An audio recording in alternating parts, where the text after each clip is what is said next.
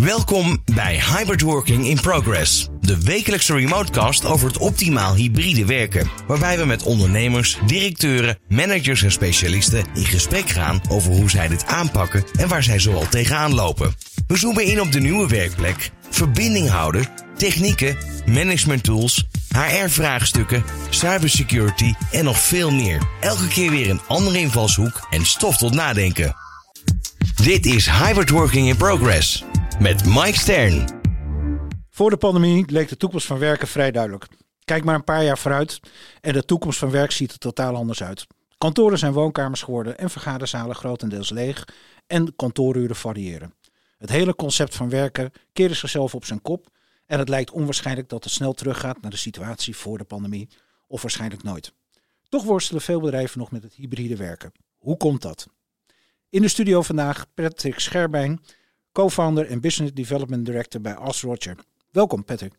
Ja, welkom Mike. Wat doet uh, As Roger? Ja, goede vraag. ja. Allereerst trouwens uh, gezellige omgeving waar we zitten. En uh, lekker bij communicatief, verse bak koffie erbij. Ja. We zijn er helemaal klaar voor. Ja, wat doet Ask Roger? Nou, Ask Roger is origineel eigenlijk gestart als telecommunicatiebedrijf. En ik zeg altijd maar heel gekscherend, wij kwamen met een telefooncentrale naar binnen lopen. Die schroefden we tegen de muur gingen we toestellen uitlopen. En zo is het eigenlijk allemaal een beetje gestart. En op een gegeven moment gingen we ook, uh, we merkten al vrij snel zeg maar, dat we het verschil konden maken. Door eigenlijk meer over de as van de business met, uh, met de klant in gesprek te gaan. Dus waar ik zeg altijd wel van, nou, hè, waar de concurrent zat uit te leggen van kijk eens hoe mooi dat toestel is en hoeveel functies erop zitten. Gingen wij bij de, met, met, met eigenlijk vaak de directeur-eigenaar in gesprek van nou, maar wat is nou je doel? Wat wil je nou bereiken? Wil je meer verkopen? Wil je betere service leveren? Wil je efficiënter werken? Wil je je medewerkers een fijnere plek aanbieden? En dan gingen we eigenlijk al snel, zeg maar, de, dan kwamen we er eigenlijk altijd achter dat de meest optimale omgeving kon je creëren door eigenlijk communicatie, dialoog, dus bijvoorbeeld telefonie, uh, te combineren met bijvoorbeeld CRM of ERP-data.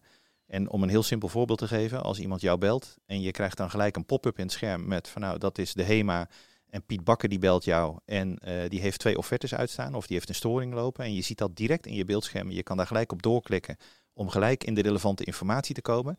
Nou, dan scheelt dat jou gewoon hè, aan de kant van de medewerker heel veel stress. Want hè, zeker in een multiculturele samenleving, als je namen moet gaan vragen die je vaak moeilijk kan spellen. En op een gegeven moment voel je ook een beetje een verlegenheid. Hè, dan denk je nou, ik zal het niet nog maar een keer vragen, maar eigenlijk heb ik geen idee wie ik aan de lijn heb. En nou, hoe ga je dan de relevante gegevens, hoe ga je die klant dan helpen? Aan de andere kant die klant die denkt van joh, dit is bijzonder, want ik heb die gast nog nooit gesproken, maar die weet gewoon wie ik ben.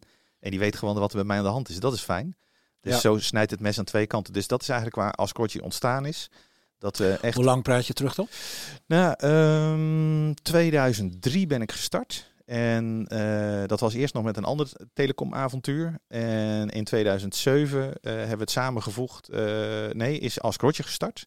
En in, in, in, dus dat was de officiële start van Askroyd in 2007. Ja. En jullie zijn inmiddels onderdeel van een groter geheel? Ja, ja, ja, ja wij, wij zijn heel blij dat we vorig jaar onderdeel geworden zijn van de Interstellengroep. En waren eigenlijk niet direct op zoek. Hè. Er waren, was natuurlijk vorig jaar, de M&A-markt was natuurlijk super hot. En allerlei bedrijven, je ziet natuurlijk wel een bepaalde consolidatieslag. En, um, Mag ik jij even onderbreken voor de luisteraar? Want iedereen is niet even goed thuis in deze markt, uh, M&A-markt. Kan je dat even oh, toelichten? Ja, uh, ja, er zijn natuurlijk ook mensen die luisteren die, misschien denken, uh, wat is dat? Ja, merger en acquisition, zeg maar. Hè? Dus aankopen van bedrijven en, en grotere bedrijfsgroepen maken en daar ja, schaalvoordeel uithalen door met elkaar zeg maar, een klant te gaan helpen. En uh, daardoor de klant over een breder zeg maar, uh, veld eigenlijk te kunnen helpen. Hè. Dus waar bijvoorbeeld Askrotje, wat ik al zei, wij, wij kwamen als telecommunicatiespecialist nou, al heel snel de, de combinatie met data maken. We zijn ook video erbij gaan doen, en video-oplossingen, ruimtes, uh, wat we tegenwoordig dan als een meetingroom uh, zien. Kan je dat even toelichten voor de luisteraar? Dat wat je net vertelde, dat vond ik een heel mooi voorbeeld. Hè? Dat je dus inderdaad op het moment dat het ingebeld wordt, dat meteen alle gegevens zichtbaar zijn op het scherm. Mm -hmm. Bijzonder belangrijk. Houdt ook in dat je data erg, uh, erg op orde moet zijn, want ja. anders ga je er natuurlijk de mist mee in. Ja. En ik vind het wel heel mooi dat je dat zegt. Want dan komen nog altijd groen en geel eraan erg als ik al twaalf jaar lang bij dezelfde sauna kom. Dat uh, de juffrouw aan de balie mij nog steeds niet uh, weet te herkennen. En uh, dezelfde ja. standaard vragen afdraait. Waarbij ja. je zoiets hebt van oké, okay, die hebben het niet helemaal op orde. Als je naar dat proces kijkt wat jullie geleverd hebben. Om het even begrijpbaar te maken voor iedereen die ook luistert. En je Mhm. kijkt waar jullie nu staan. Wat, wat is het totale pakket wat als Roger dan levert? Nou, wij, wij zijn nog steeds echt een. eh, ons core DNA is hetzelfde gebleven. Dus we zijn nog steeds een communicatiebedrijf. Dus, maar vroeger was dat alleen maar bellen en video. En tegenwoordig is dat natuurlijk afhankelijk van het bedrijfstype eh omnichannel. Dus dat kan ook WhatsApp of eh, Facebook of Twitter-integratie of e-mail-integratie zijn. Eigenlijk alles wat te maken heeft met klantcontact. Of dat nou B2C of B2B of wat voor omgeving je ook in zit. En ehm, dat, is, dat is altijd het uitgangspunt waar, waar we de klant mee helpen. En ik denk wat echt wel de, de, de, de Ask Roger saus is, is dat we, eh, en, en dat is eigenlijk het, het, het core DNA, zeg ik altijd, wat gebleven is, is dat we altijd kijken van oké, je wil dus een communicatieoplossing hebben of je wil je communicatie verbeteren. En hoe kunnen we dat nou doen in combinatie eh, door ook gebruik te maken van de data die al reeds in je bedrijf aanwezig is. En hoe kunnen we dan dingen slimmer maken? En, je, je, je, kan daarbij een aantal dingen doen. Hè? Dus je, kan eh, een communicatiedialoog verrijken. Op het moment dat je een e-mail of een telefoontje of een WhatsApp binnenkrijgt, dat je gelijk die relevante data ziet. Maar je kan bijvoorbeeld ook, hè, en dat klinkt misschien heel erg geavanceerd, maar uiteindelijk is dat allemaal helemaal zo moeilijk niet. Je kan bijvoorbeeld ook zeggen van nou, als jij bijvoorbeeld klant bent en eh, je hebt op dat moment een, eh, een storing lopen, een prio 1 incident. Ja, dan wil je misschien wel direct doorverbonden worden met de engineer die daarmee bezig is. Nou, wij kunnen er dus voor zorgen dat ook al bel je het algemene nummer, kunnen we dus kijken van hey, wie belt er? Welk nummer is dat? Is daar op dat moment iemand met een P1 zeg maar aan het werk? Wie is dat? En dan verbinden we hem direct door. In plaats van dat je tegen een receptioniste moet gaan uitleggen waarvoor je belt en dat je om die prio 1 belt die jij dan vervolgens gaat doorverbinden. Ja, als, je dat even, als ik even een stapje dan maak van wat jullie doen naar de huidige situatie. We hebben deze remote cast gemaakt onder de naam eh, Hybrid Working in Progress. Ja. Jij hebt ook als panelid deelgenomen aan de summit eh, op 1 november. Ja. Nou, daar kwamen natuurlijk ook wel wat zaken aan de orde van de, de nieuwe manier van werken, het virtuele kantoor, de perfect storm waar we in zitten. Er gebeurt ontzettend veel. Ja. Als je nou kijkt naar de situatie van wat jullie doen in de markt en hoe jullie zelf in de markt staan en beleven van voor de pandemie en nu, wat, wat is daar essentieel veranderd voor in jouw beleving als ja, CEO van het bedrijf? Ja, wat, wat natuurlijk evident is, is dat waar wij, eh, ik denk voor de pandemie tegen iedereen zeiden van, eh, nou je hebt nu een flexibele werkplek en je kan dus overal werken. Hè, want inmiddels leveren we alles altijd allemaal in teams. Hè. Wij zijn echt een, een Microsoft gefocuste partij. En eh, proberen dus een klant zoveel mogelijk rendement te laten halen uit zeg maar, het Office 365 abonnement wat ze hebben. En dat in de basis komt het er dan op neer dat we het allemaal vaak in teams integreren en allerlei plukjes binnen Office 365 gebruiken. Maar ehm, dan zeiden we van ja, weet je, eh, mensen kunnen nu ook thuiswerken en ga dat ook vooral doen. Hè, want eh, medewerkers die zitten daarom te wachten. Want medewerkers die willen flexibel, twee ouders die werken, met kinderen, opvang. Eh, wees een interessante werkgever, maar ook naar je, naar je klant toe. Hè. Maak gebruik van die nieuwe technieken, zodat die klantbeleving zeg maar, optimaal is. En eh, wat ik voor de pandemie zag, is dat het eigenlijk eh, met name bij die klantbeleving bleef. Hè. Dus dan bleef iedereen maar gewoon naar het bedrijf rijden. En eh er werd eigenlijk nauwelijks thuisgewerkt. En na de pandemie zie je natuurlijk wel dat over het algemeen, zeg maar, het feit dat je een aantal dagen thuis werkt, dat, dat is wel steeds normaler. Ik zie ook wel eens met grote gruwelen dat er eh, nieuwsberichten in de krant en dan zie ik wel eens, hoor ik wel eens berichten van bedrijven die dat weer dreigen terug te draaien. Dan Ja, dat wilde ik net oh even vragen. Dat is een week oud nog. Hè. Het Ja. heeft zelfs eh, RTL Nieuws gehaald. Men wil mensen weer terug naar het kantoor toe. Ja. En ja, eigenlijk is dat enerzijds de omgekeerde wereld. Omdat er, ik denk als je het proces goed inricht, maar daar komen we zo even op, dan is er enorm veel te halen. Ja. Ik denk eh, dat de regering ook een enorme kans heeft laten vallen als het dan gaat over eh, stikstofproblemen, het milieu. Dat dit de kans was geweest om eh, heel veel mensen uit de auto te krijgen. Ja. En ja, en als we dan naar de bekende Dromedaris model de dinsdag en de donderdag kijken. En ik geloof dat vorige week 1100 kilometer Ja. file record was. Dan klinkt dat niet echt logisch. Als je daar dan naar kijkt en je kijkt in het contact wat jullie in de markt met jullie klanten hebben. Hoe, hoe zie je dat dat proces zich ontwikkelt? Zie je dat zij inderdaad allemaal, allemaal weer terug naar het kantoor toe gaan? Ik zelf geloof daar namelijk niet zo in. Of zie je toch een ontwikkeling dat je zegt van ja, weet je, eh, het proces is eenmaal in werking gezet. We moeten even door die zure appel heen en we moeten nog heel veel dingen leren. Maar de toon is wel gezet. Hoe, heb, hoe ervaar je dat zelf? Ja, wa- wat, wat mij verbaast en, en ook in een bepaalde mate wel irriteert. Hè. Kijk, we snappen allemaal dat we qua milieu en stikstof en allemaal dat soort zaken, dat we daar iets mee moeten. En, ehm, maar het, ik verbaas me dus dat er echt, hè, en dat begint natuurlijk al bij de overheid, dat er totaal geen beleid is of zeg maar geen initiatief ontplooid worden om uh, de BV Nederland zeg maar bewust te maken van het feit dat je eigenlijk dat remote werken zeg maar echt wel een oplossing is voor heel veel dingen. Tijdens de pandemie waren er geen files. Um, en, en dat begint natuurlijk uiteindelijk bij een stukje awareness, wat door moet dringen naar, naar de bedrijven. En binnen die bedrijven moet er dan beleid opgemaakt worden. En dan moeten die medewerkers duidelijk gemaakt worden van ja, wat zijn nou de kaders waarbinnen ik kan laveren. is het normaal dat ik ochtends eerst twee uur werk, dan uh, een uur ga sporten en dan weer verder werken? En kan ik daar gewoon open over zijn of, of niet?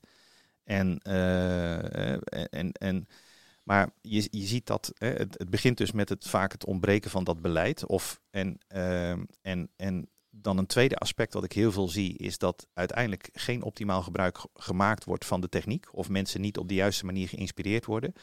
Uh, en dat zit hem dan vaak in de managementlagen, die zich afvragen van, ja, zijn mijn medewerkers wel echt aan het werk en hoe productief zijn ze nu? En worden mijn klanten wel goed geholpen? En en... Even een vraagje erover. Hè? Want ik had in de vorige podcast Marjolein Veerga tegenover mij zitten. Zij is auteur van het boek Hybride Teams. Mhm. En toen stelde ik haar ook de vraag van waar zit het hem in? Hè? En je noemt net een paar dingen, maar wat bijvoorbeeld ook naar voren te kwam. En volgens mij is dat voor jullie ook wel herkenbaar. Dat een management bijvoorbeeld heeft gezegd van nou, wij hebben gefaciliteerd in de techniek. Ja. Alleen het omveld eromheen, daar is niets mee gedaan. En dan zie je gewoon dat er ook op, niet op een goede manier mee gewerkt wordt. En dan krijg je heel snel, zie je het werk niet. En we gaan gewoon weer terug naar het oude toe. Dat zie je heel vaak gebeuren met heel veel dingen. Ja. Is dat herkenbaar wat ik zeg? Ja, nou ja. Kijk, eh, ik, ik was een van de eerste lichtingen van de school, van de, uh, school, van, uh, school voor communicatiesystemen in Utrecht, aan de Padualaan. En dat was half jaren negentig. En uh, dat, toen was het allemaal heel revolutionair, want toen gingen we, was er eindelijk een IT-opleiding in Nederland die niet, net zoals informatica, alleen maar naar techniek keek. Maar die zei van, Even voor de beeldvorming in de tijdslijn, hè, want jij zegt half jaren negentig. Ja. Dan zit je volgens mij in de periode dat internet eigenlijk net aan het opkomen was. Ja, ja, ja, ja, ja klopt. Ja, ja, de eerste browsers en de eerste programmeerdingetjes en allemaal dat soort zaken. Maar hè, dat, dat, dat, was toen aan het ontstaan.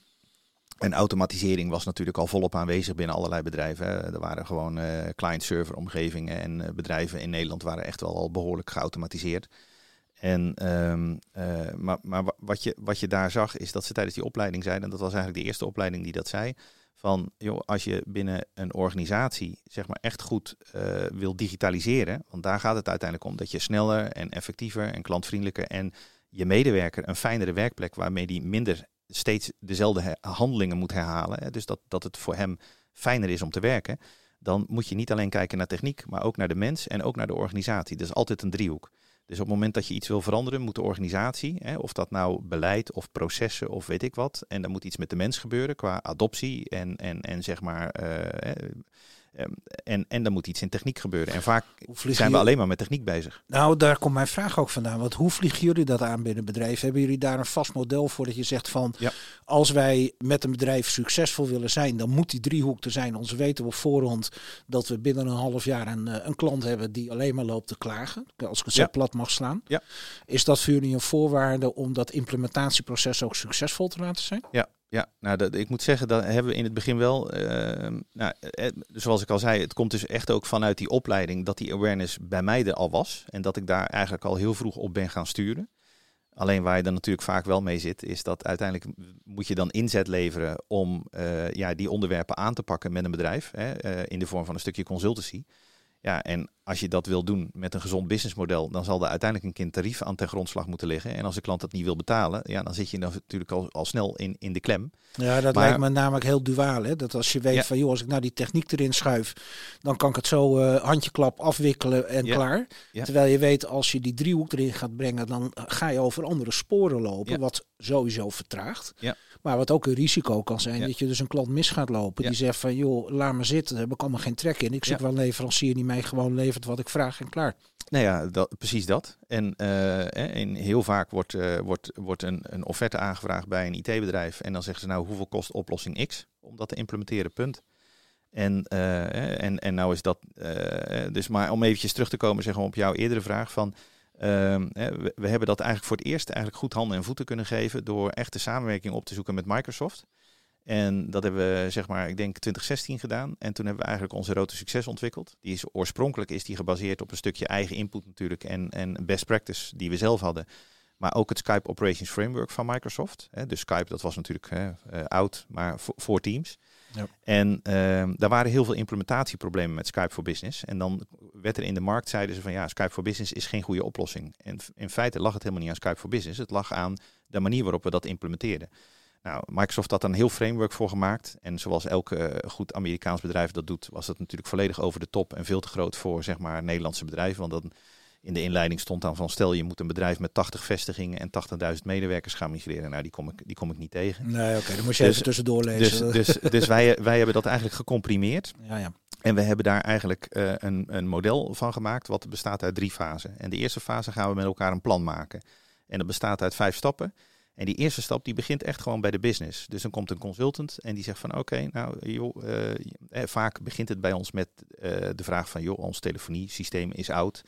Of wij willen op een andere manier gaan communiceren om niet met onze klanten. Joh, heb je daar een oplossing voor? Dus het wordt altijd, er wordt altijd in eerste instantie een technische oplossing gevraagd. En dan vervolgens komt die consultant van ons binnen en die zegt, nou ja, hartstikke leuk, gaan we doen. Maar laten we even één stapje terug gaan.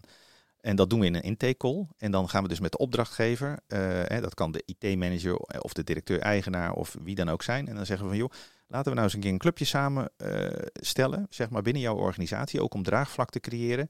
Uh, bijvoorbeeld de uh, manager die van de serviceorganisatie en van uh, de, de sales manager. En misschien heb je wel een, een andere manager, zeg maar. Hè, dat je zeg maar wat, wat managementposities, zeg maar, of wat, wat sleutelfiguren in je bedrijf bij elkaar brengt. Daar organiseren we dan een workshop. En dan zeggen we, nou jongens, hè, we willen een telefoniesysteem vernieuwen. We willen, of we willen, en want het komt vrijwel nooit van, joh, we willen efficiënter werken. Of we willen een, een fijnere werkplek aan de medewerkers bieden. Dat is vaak niet de vraag. Hè. Vaak komt het vanuit die techniek. Maar dan zeggen we van joh, uh, uh, eerst gaan we ze wat inspireren over, over die as van de techniek, wat ze dan vragen. Ze zeggen nou dit is allemaal mogelijk, maar joh, laten we teruggaan naar de basis. Waar staan jullie nu? Wat is jullie strategie? Waar maken jullie het verschil ten opzichte van jullie concurrent? Waar zouden jullie graag beter in willen zijn? Wat zijn problemen waar jullie altijd tegenaan lopen die je zou willen oplossen? En dan hoor je dus dat vanuit die managers of vanuit die sleutelfiguren komen allemaal dingen die poppen op. En die schrijven ze op op geeltjes. In die workshop, die hangen we allemaal aan de muur. En die gaan we kwantificeren.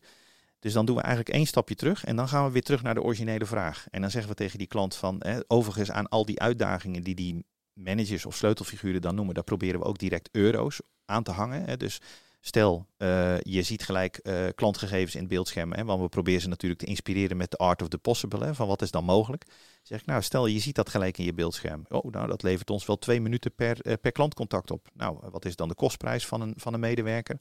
En wat zou die eh, verbeterde klantervaring opleveren. Nou, dat proberen we allemaal euro's aan te hangen. En zo werken we eigenlijk naar een business case toe. En zo werken we eigenlijk in die eerste stap naar ja, eigenlijk een wat breder model van waarom gaan we nou doen wat we doen. En, en, en waar willen we uiteindelijk op uitkomen. Nou, en dan in de tweede stap gaan we solution mappen. Dan zeggen we nou, als dat allemaal is wat je wil, dan proberen we wat plateaus daarin aan te brengen. Want je gaat niet helemaal gelijk, je gaat niet direct naar de maan. Hè. Je schiet eerst een, een vuurpijl af en daarna een raket en dan uh, met een satelliet. En uiteindelijk zeg maar uh, een paar jaar later ga ik een de maan. En um, nou, dan proberen we dan in, in, stapjes, zeg maar, ook qua doorlooptijd en qua uh, budgettering gaan we dat inzichtelijk maken.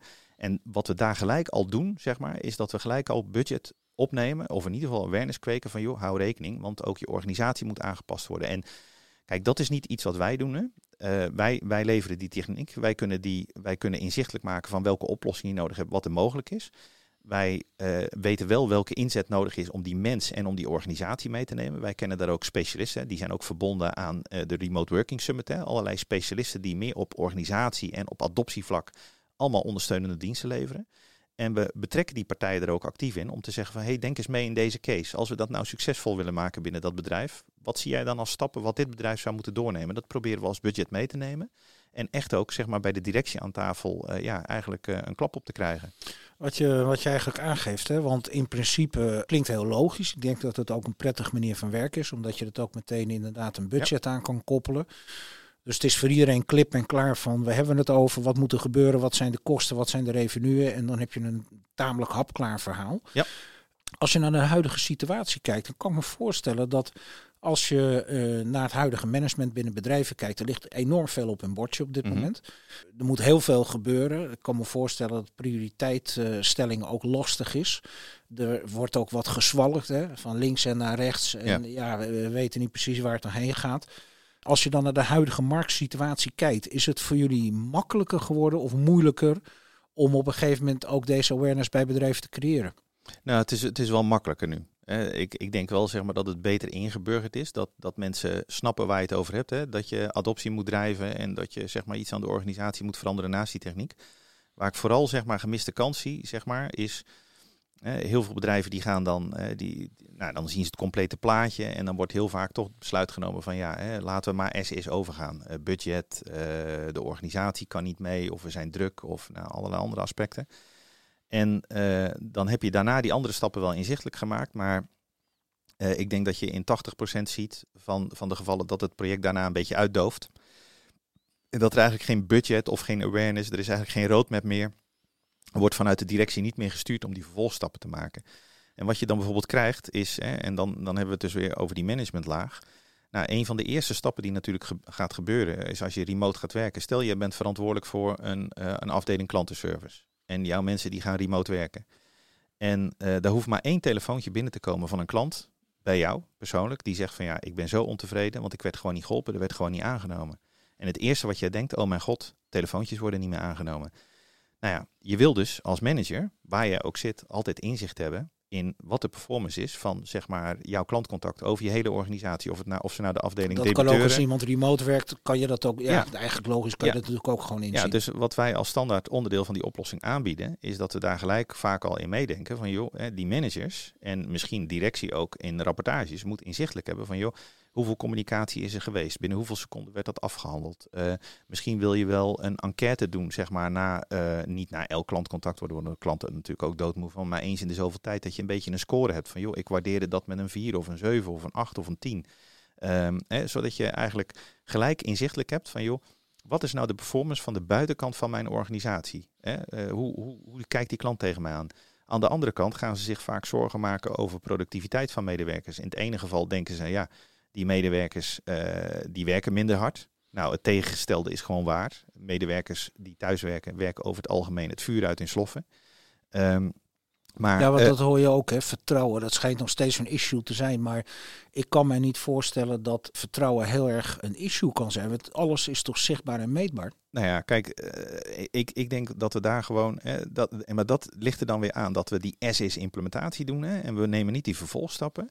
Wat je gewoon ziet is dat hè, bijvoorbeeld binnen Teams, hè, ik heb dat in de, tijdens de Remote Working Summit ook genoemd, er is tegenwoordig hele mooie tooling beschikbaar in, uh, in Teams. Dat heet Microsoft Viva, dat is een omgeving waarmee je echt, hè, en, en duik daar een keer in, zeg maar, ga daar in gesprek, mee in gesprek met, met ons of met je eigen IT-partner of bel Microsoft er een keer over op.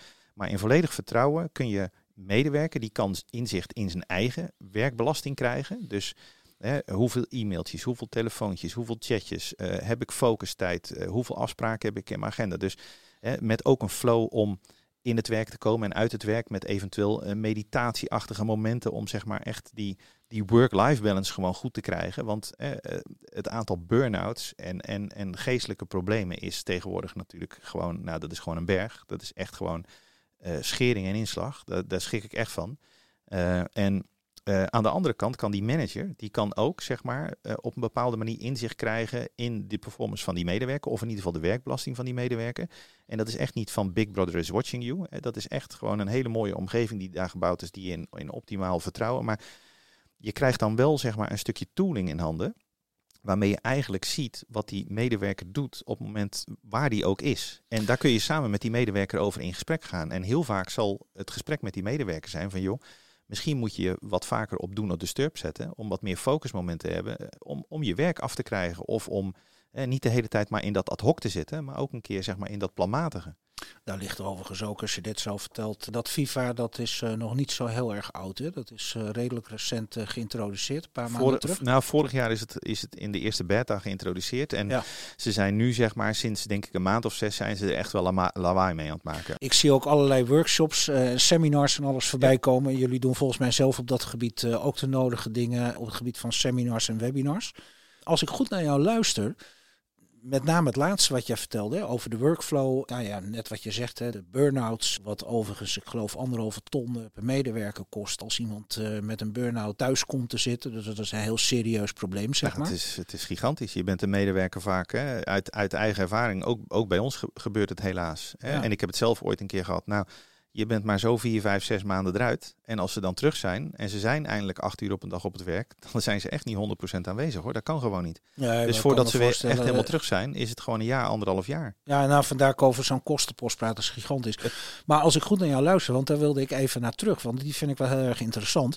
Dan komt in dit proces HR ook in één keer om de kijken. En als je nou in jouw beleving kijkt voor ook wat jullie doen binnen bedrijven dan zie je eigenlijk dat facilitair, inkoop, HR, techniek, IT, uh, er eigenlijk steeds meer managementlagen of afdelingen in beeld komen. Mhm.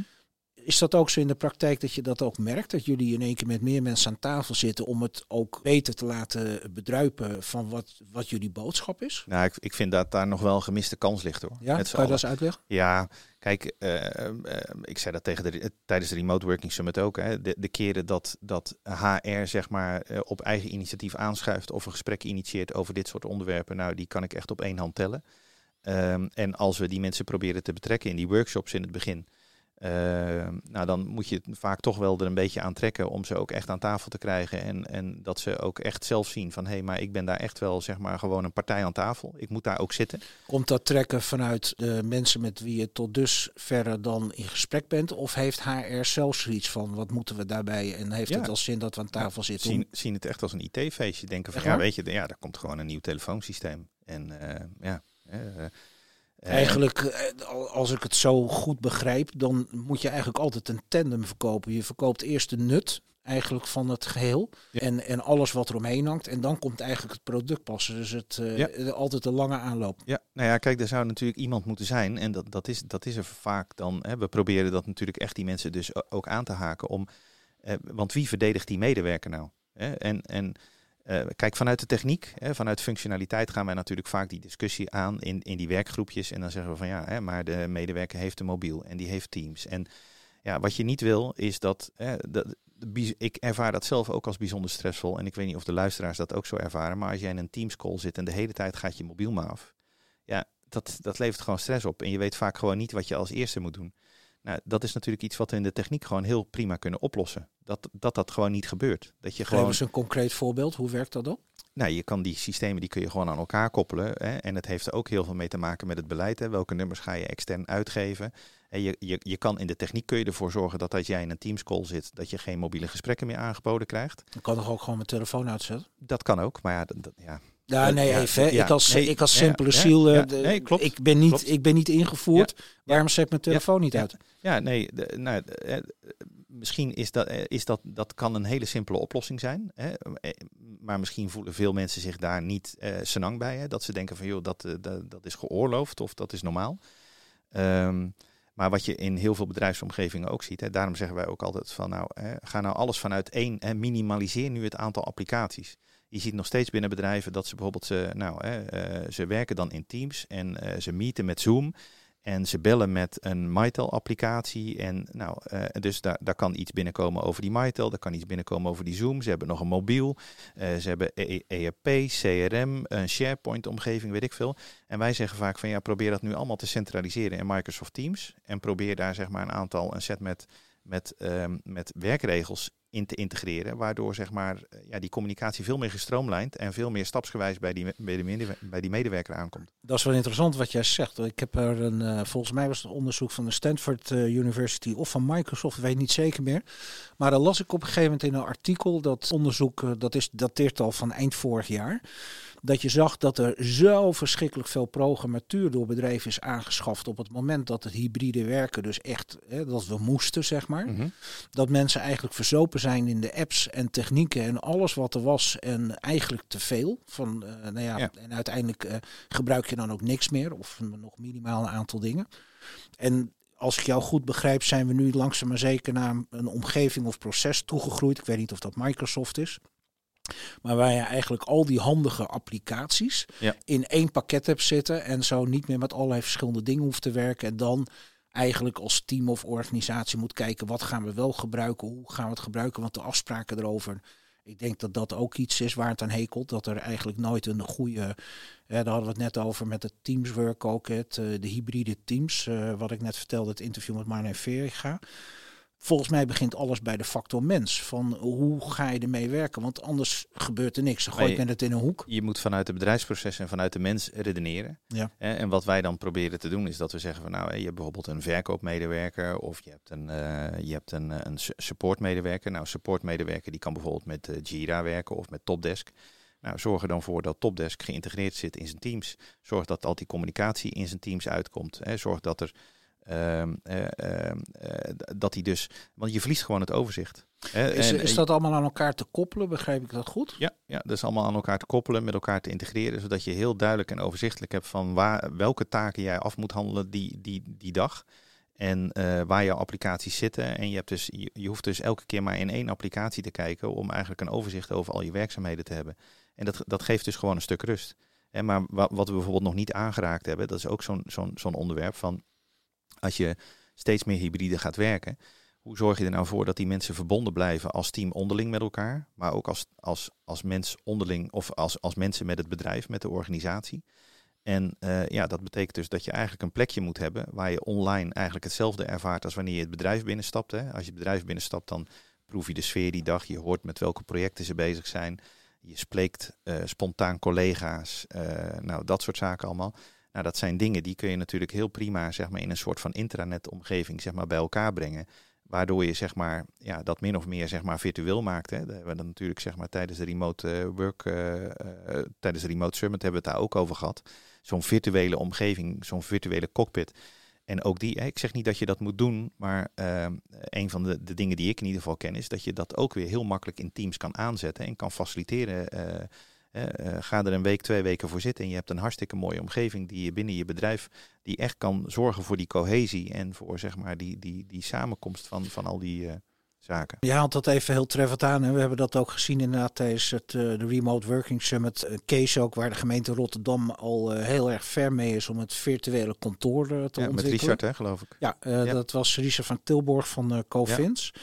En je ziet ook op een gegeven moment dat mensen dat in het begin uh, ja, allemaal wat vreemd en wat eng vinden. En dat is met alles zo. Hè. Wat de boer niet kent, dat, eh, dat vreet hij niet. Om het, was het spreekwoord, geloof ik.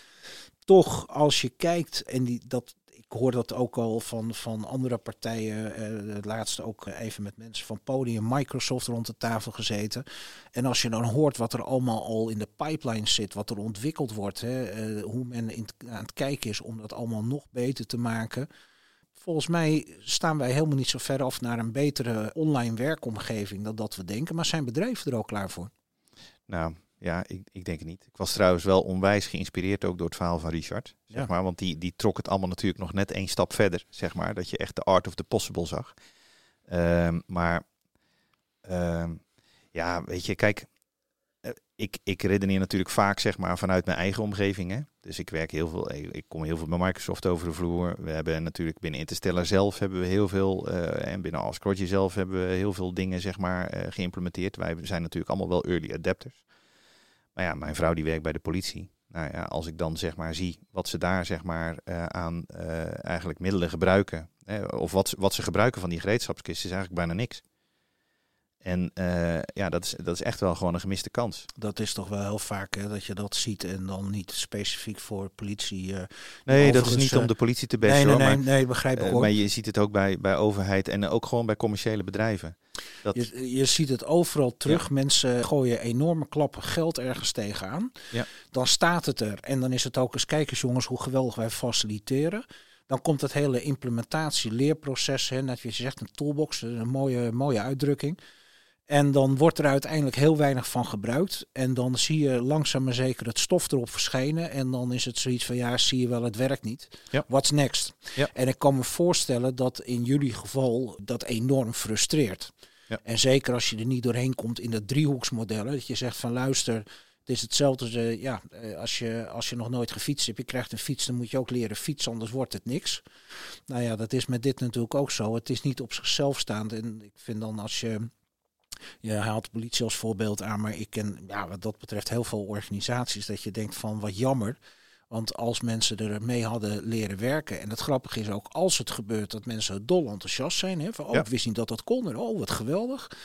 Eh, eh, het is niet van elkaar los te koppelen. Dus Nee, je, je, hè, wij merken gewoon keer op keer in die workshops, hè, wan- wanneer je zeg maar, kijk, we, we doen dan een intake call en dan eh, horen we natuurlijk al een beetje zeg maar wat de uitdagingen zijn en waar het bedrijf staat qua digitalisering en wat ook een beetje de digivaardigheden zijn. Hè. Wat is de cultuur binnen het bedrijf, wat is het profiel van de mensen die daar zit. En dan proberen we natuurlijk die demo's proberen we daarop af te stemmen. Want als je in één keer eh, bij mensen die nog helemaal niks gewend zijn, eh, meteen met een cirkelzaag aankomt, dan, eh, dan wordt het natuurlijk niks. Misschien moet je eerst met een babyzaagje of een, een gewoon een handzaagje aankomen. Ja. Maar die mensen die maak je echt blij. En die, die denken ineens van, oh, maar dat is fijn, want ik heb het ineens veel meer inzichtelijk en ik kan het ineens veel meer. En, en, en, en ik heb een goede dialoog met mijn manager over mijn werkdruk. En eh, ik, ik hoef klanten niet meer eh, honderd keer te vragen naar dezelfde informatie. En nou, al die dingen die we net al genoemd hebben, je maakt ze echt blij omdat ze denken, oh, mijn werk wordt gewoon makkelijker en het, mijn werk wordt leuker. En, zou, en het voor jou ook een, zou het voor jou ook iets zijn dat als je nou bij een bedrijf zit en die zegt van joh, even heel simplistisch gezegd hoor, maar joh, lever ons nou gewoon dat spul en niet te veel poppenkast verder eromheen, want eh, we hebben het druk, druk, druk. We lopen al achter de feiten continu aan.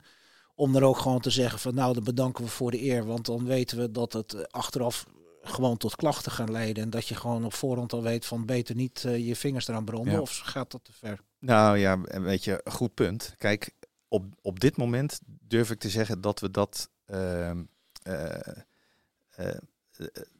ja, dat we daar voor 50% durven in te gaan. Ik weet niet goed hoe ik me daarna moet uitdrukken, maar kijk, wat je natuurlijk hebt, is dat je, je hebt een bedrijf te runnen en je moet opdrachten hebben. En eh, nou, je bent met, eh, met die klant in gesprek. En uiteindelijk moet je dan de afweging maken dat je merkt gewoon die klant die wil zeg maar eigenlijk die organisatie en dat adoptie. eh, en want adoptie is eigenlijk altijd zeg maar een sluitpostje.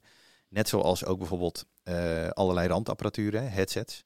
Hoeveel klanten ik niet mee heb gemaakt die zeggen van nou ze gebruiken de Apple oortjes wel. Nou, hè, dus dat, dat soort dingen. Maar vergelijk het als een Ferrari kopen en er gewoon houten wielen onder zetten. Nou, eh, ja, dan heb je gewoon niet de ervaring van een Ferrari. En dat is gewoon doodzonde. Eh, dus, eh, maar dat heeft direct effect op zeg maar, de werkvreugde van je medewerkers en op zeg maar, de ervaring die, die uiteindelijk een klant weer heeft. En dat, dat vergeten we vaak. Maar wat je, wat je dus ziet is dat stel die klant die wil daar niet in mee. Nou, en eh, je hebt die maand eigenlijk nog net niet eh, zeg maar de opdrachten binnengehaald. Of, of eh, het is elke maand, hè, je hebt natuurlijk een, doel, een doelstelling. Ja, wat doe je dan? Hè? Zeg je dan van nou, ik doe het niet. En hoop je dan dat die klant daar toch zeg maar bakzeil haalt en zegt van ja, maar dan, dan ga ik toch in je advies mee. Daar kan wel een Of- jaar overheen gaan, denk ik. Ja, nou ja, en, en dat is dus altijd een hele lastige discussie. Want wij willen niet zeg maar arrogant overkomen.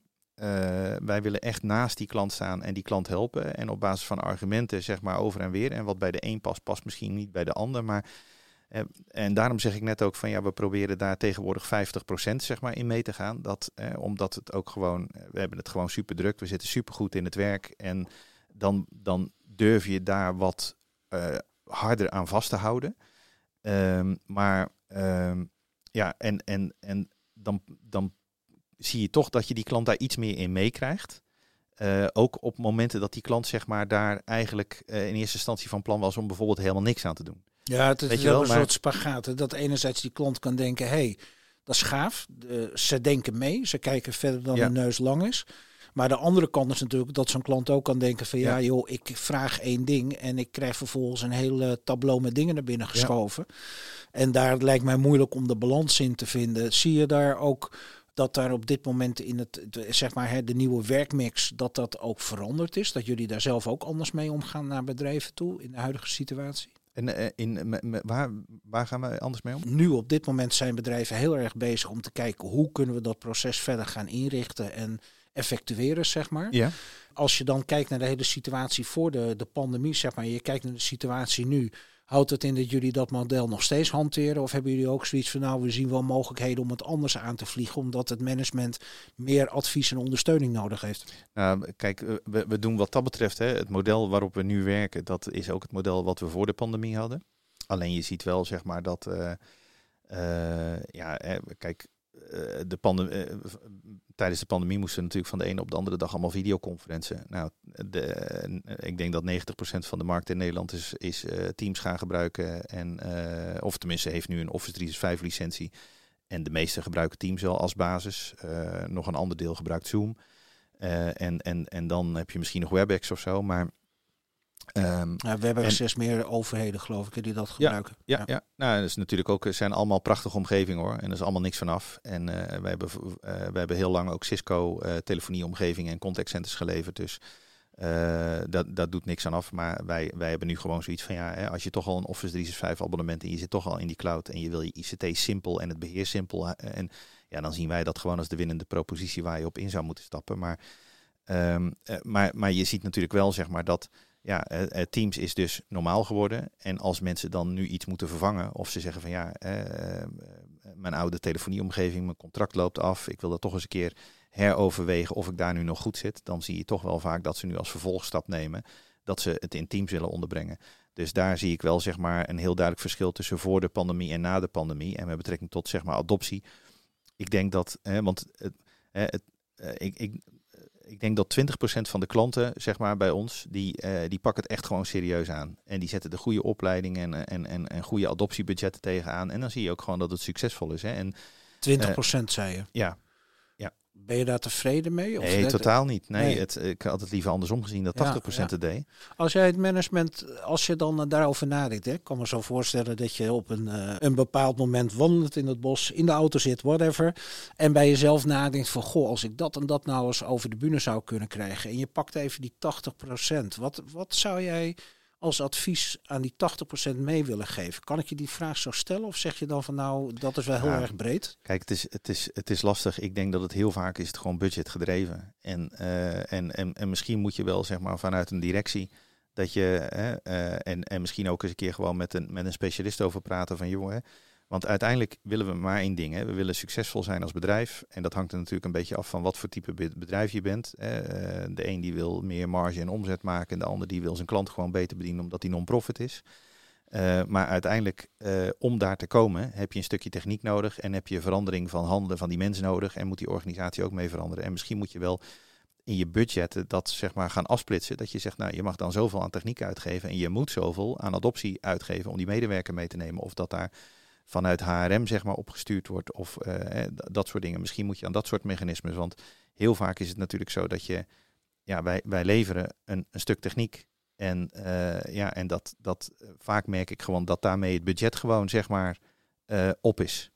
En, en of, of daar wordt een keuze gemaakt om dan nog een ander stuk techniek aan te kopen van het budget wat dan over is. Ja, maar het budget hangt aan techniek. Dus kortom, je krijgt een fiets, maar het erop leren fietsen, daar hebben wij even ja. geen geld voor. Nee. Uh, en, en, en kijk, het is ook niet een eenmalig iets. Hè. Uh, het is wat ik overigens in bijna, nou, dat is misschien wel 90% van de gevallen zie, is dat nadat je die initiële implementatie hebt gedaan en laat staan, laat, laten we dan zeggen dat je die opleiding hebt gedaan en dat je die medewerker, en niet alleen opleidingen, maar ook gewoon e-mailtjes sturen, ondersteunende materialen, zeg maar, dat je echt op een goede manier zeg maar, dat hebt neer kunnen zetten. Nou, die medewerker die is helemaal blij ja, dan zit je natuurlijk uh, in eerste instantie zit je misschien op uh, eh, 20% rendement van die oplossing. En daarna is er nog 80% aan rendement te halen. Maar daar kom je alleen maar op het moment dat je een customer succesprogramma erop zet. Dat je elke maand stapsgewijs een specialist, eh, die niet een specialist die de techniek begrijpt, maar die met een eindgebruiker kan praten. En die kan zeggen van oké, we hebben nu die eerste stap gedaan. Uh, maar joh, waar loop je nou tegenaan? Wat zou je nou als eerste, joh? En, maar als we nou dit eens een keer doen, oh, dat is, nou, als dat kan, daar zou ik super blij van worden. Nou, nou dan doe je weer één dingetje. Ja, ja. Het is een lange termijn traject. Ja, zeg maar. en zo doe je elke maand een dingetje. Want kijk, uiteindelijk die cloud-omgeving, die staat niet stil. Hè. Vroeger was het zo, ja, je had software op een server staan en je, kwa, je kwam alleen maar iets nieuws tegen als IT de nieuwe versie had uitgerold. Tegenwoordig zit je in een cloud-omgeving en er wordt gewoon elke week, elke maand, elke dag wordt een, worden nieuwe features uh, gepusht. En uh, daar, moet je een vertaalslag in maken naar die medewerker en naar de organisatie. Hoe gaan zij dat toepassen? Hoe gaan zij daar rendement uithalen? En er ligt gewoon heel veel rendement, ligt eigenlijk gewoon op, uh, uh, op straat. Uh, en die, die ga je pas pakken op het moment dat die medewerker snapt hoe die het moet inzetten. Ja, als ik jou goed begrijp, dan is je eigenlijk kijk je naar een hele andere manier van kostenallocatie en ook afschrijving. Ja. Want het is niet meer op één moment. Je kan dat heel anders bekijken. Nou, dat is een mooie slijpsteen voor de geest. Kort samengevat, uh, er valt dus nog een hele hoop te ontdekken. Ik zou zeggen, Patrick, uh, hartelijk dank voor jouw uh, toelichting hierop en de komst naar de studio toe. En eh, ik wens je een hele fijne dag. Ik vond het super leuk om hier te zijn. Nou, En, eh, fantastisch. tot de volgende keer. Tot de volgende keer. Dankjewel. Leuk dat je weer hebt geluisterd. En volgende week zijn we weer met een nieuwe Remotecast. Heb je een aflevering gemist? Of wil je zelf deelnemen aan onze live events en netwerken? Kijk dan voor meer informatie op remoteworkingsummit.nl. Deze Remotecast wordt mede mogelijk gemaakt door Communicatief.